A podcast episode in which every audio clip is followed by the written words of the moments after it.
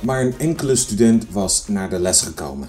De week daarvoor was de hele klas weggebleven. Dit gebeurt vaker op het HBO. Dan hebben de studenten een uur tussen hun lessen vrij en dan gaan ze allemaal naar huis.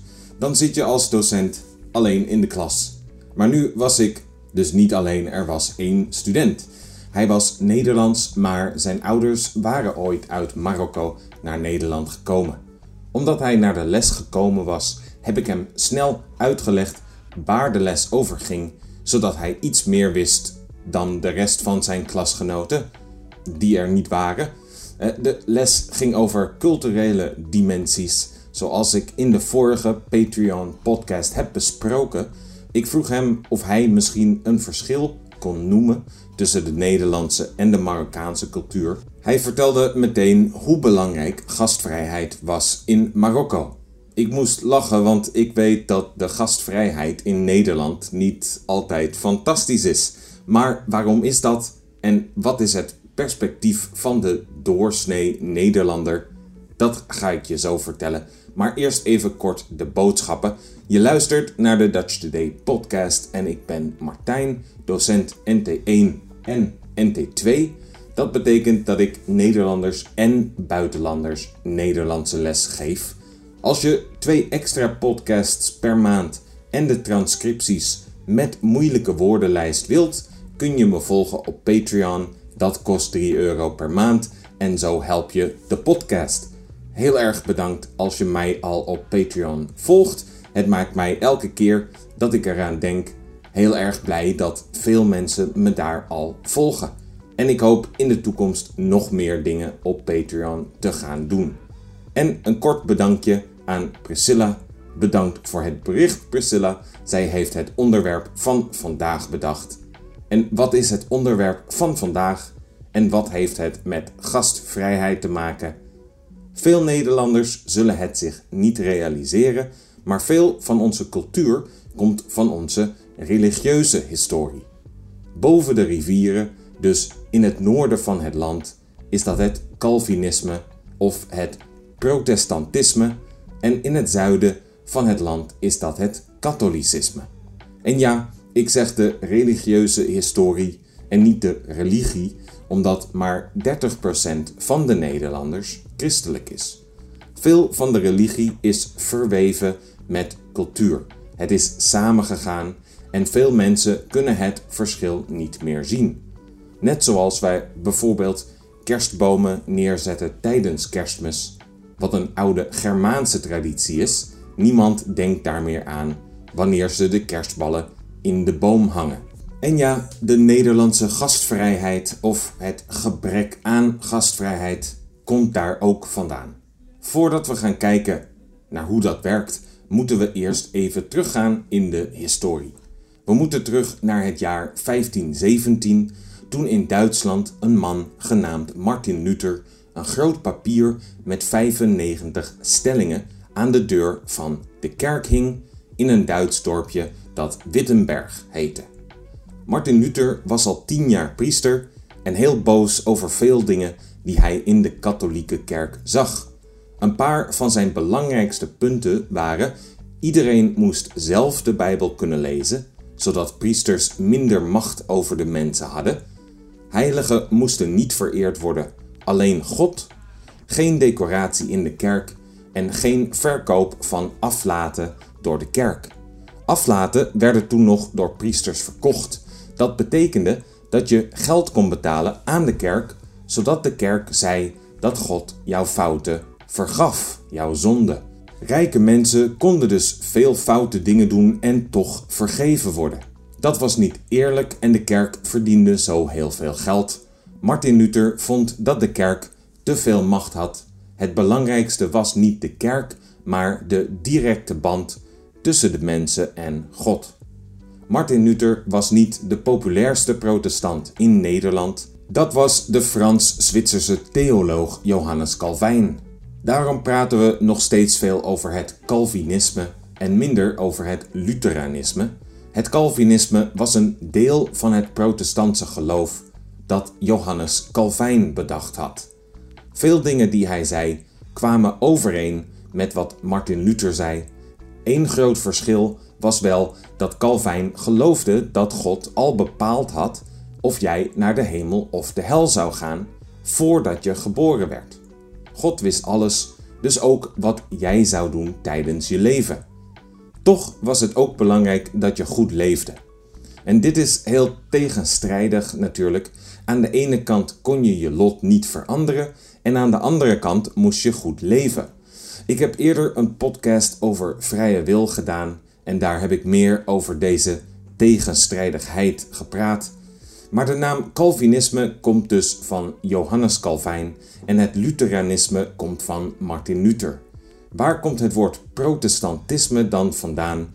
Dit komt van het Latijnse protestari, wat publiekelijk verklaren betekent, of aan veel mensen vertellen.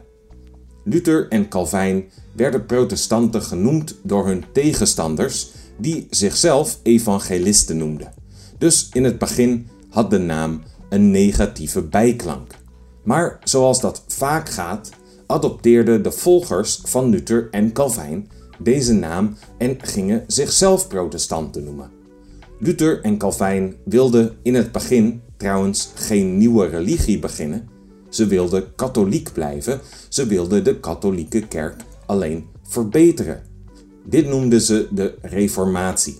Daarom noemen sommige protestantse kerken zichzelf nog steeds gereformeerd of hervormd. Dit betekent hetzelfde. Ze vinden protestants te negatief klinken. De katholieke kerk zelf wilde niet gereformeerd worden en Luther werd geëxcommuniceerd. Calvijn werd verbannen uit Genève, waar hij vandaan komt of kwam. Eh, daarom moesten zij hun eigen kerk starten, waar zij op hun eigen manier God konden vereren. Ze kregen veel volgers en deze nieuwe christelijke tak kwam via Duitsland en Engeland in de tweede helft van de 16e eeuw ook naar Nederland. Op dit moment zijn de katholieken en protestanten in balans in Nederland. Ongeveer 15% van de mensen zijn katholiek, ongeveer 15 protestants. Ik praat zelf over dit onderwerp met een zekere afstand. Ik ben niet religieus opgevoed. Mijn vader was niet gelovig en zijn ouders ook niet. Mijn moeder was niet gelovig en haar ouders ook niet. Mijn oma uit Amsterdam ging vroeger wel naar een school waar nonnen les gaven. Nonnen staan erom bekend dat het geen leuke, lieve docenten zijn. Ik hoorde van mijn oma altijd dat ze heel streng en gemeen waren. Dat heeft ervoor gezorgd dat zij op jonge leeftijd al niet meer religieus was. Door dit soort dingen werd er bij mij thuis vaak negatief gekeken naar religie. Dat is een beetje de boodschap die ik heb meegekregen. Religie is niet goed voor je, maar zelf denk ik niet zo zwart-wit. Religie geeft ook houvast en maakt mensen gelukkiger. Het beantwoordt belangrijke vragen, waardoor je meer rust voelt. Maar goed, eh, dit wordt geen discussie over religie. Ik wil kijken naar de effecten van de religie en vooral het protestantisme op het Nederland van nu. Het eerste effect dat je ziet is dat we een grote christelijke politieke partij hebben, het CDA. Dat staat voor Christendemocratisch Appel. De reden dat ze groot zijn in een land waar niet zoveel mensen religieus zijn, is dat christelijke mensen trouw zijn aan hun partij. Ze gaan altijd stemmen en dat is natuurlijk goed voor die politieke partij.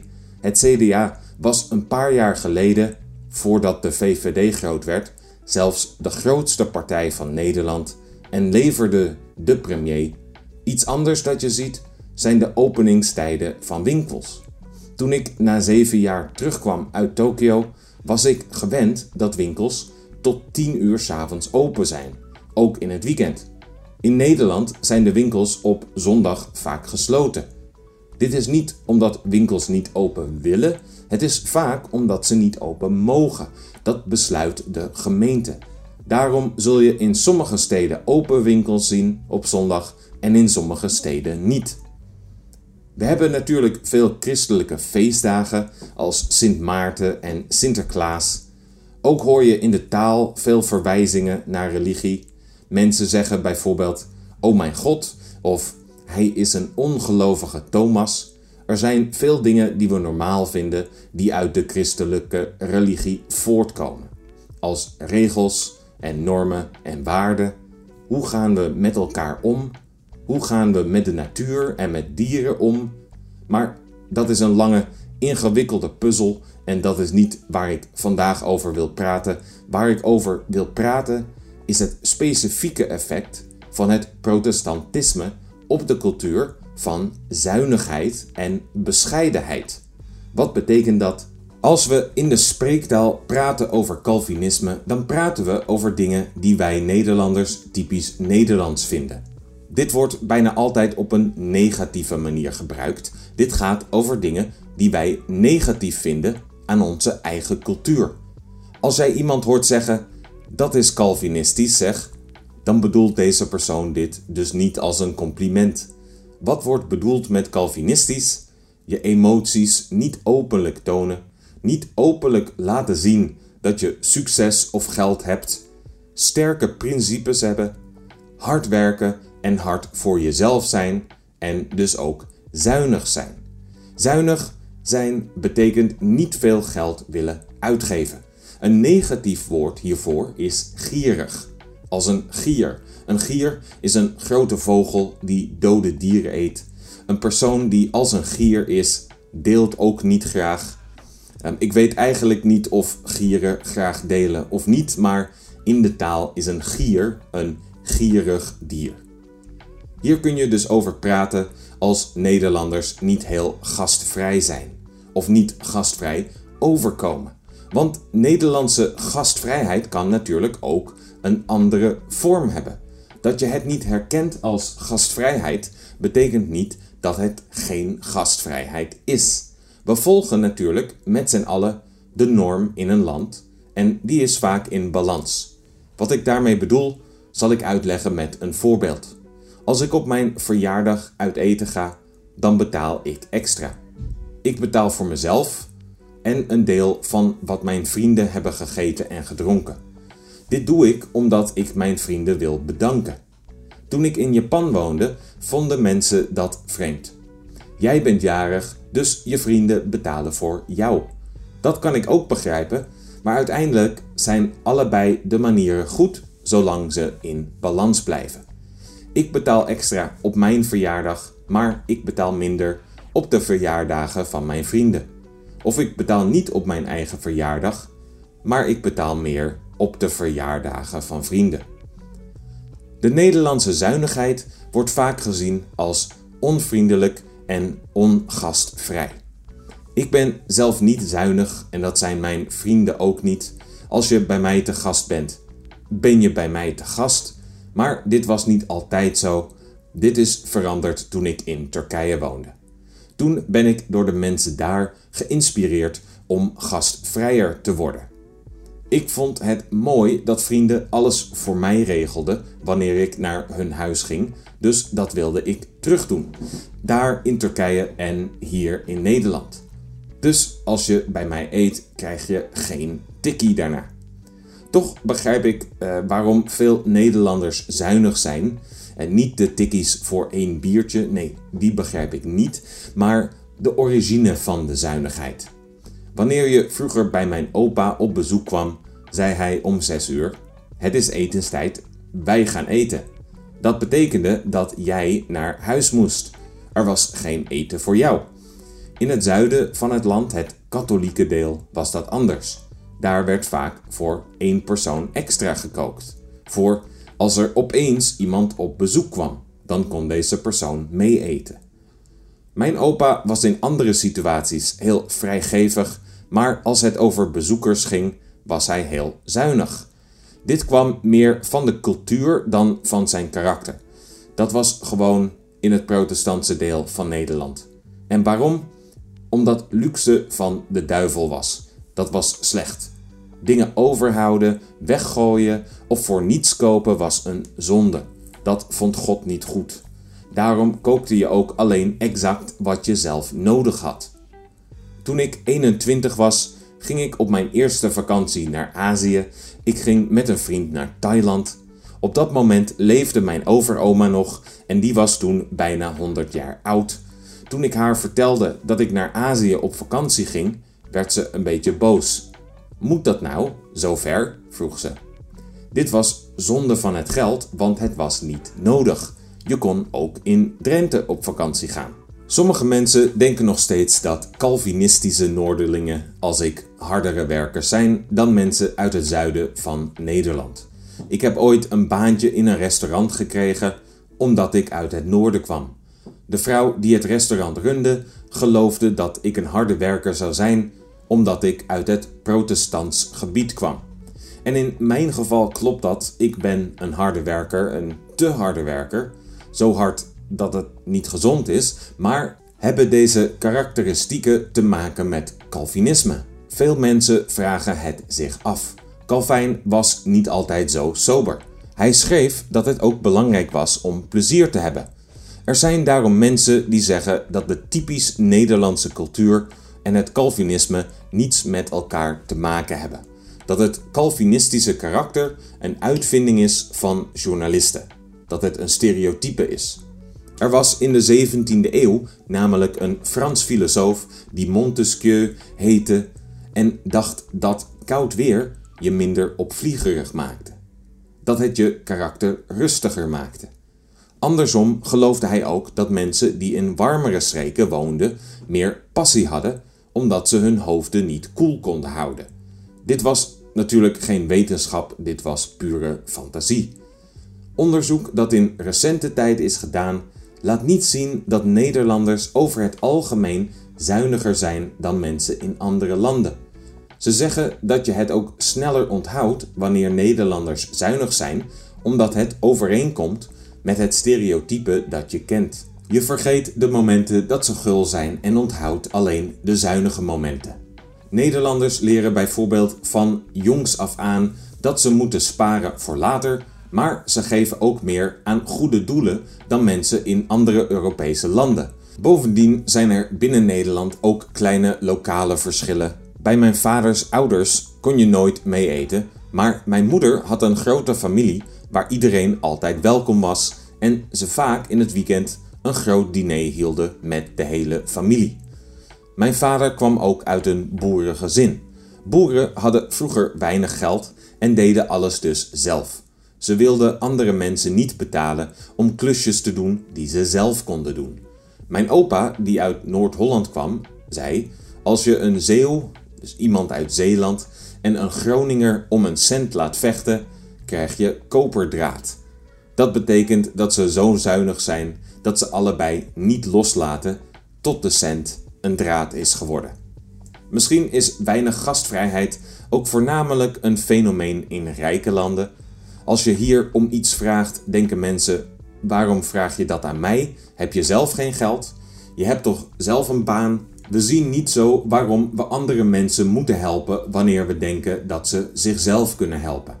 Wij krijgen geen gasten aan de deur die net door een woestijn hebben getrokken en water nodig hebben. Ik zal nog twee voorbeelden geven van andere landen waarover zuinigheid wordt gepraat.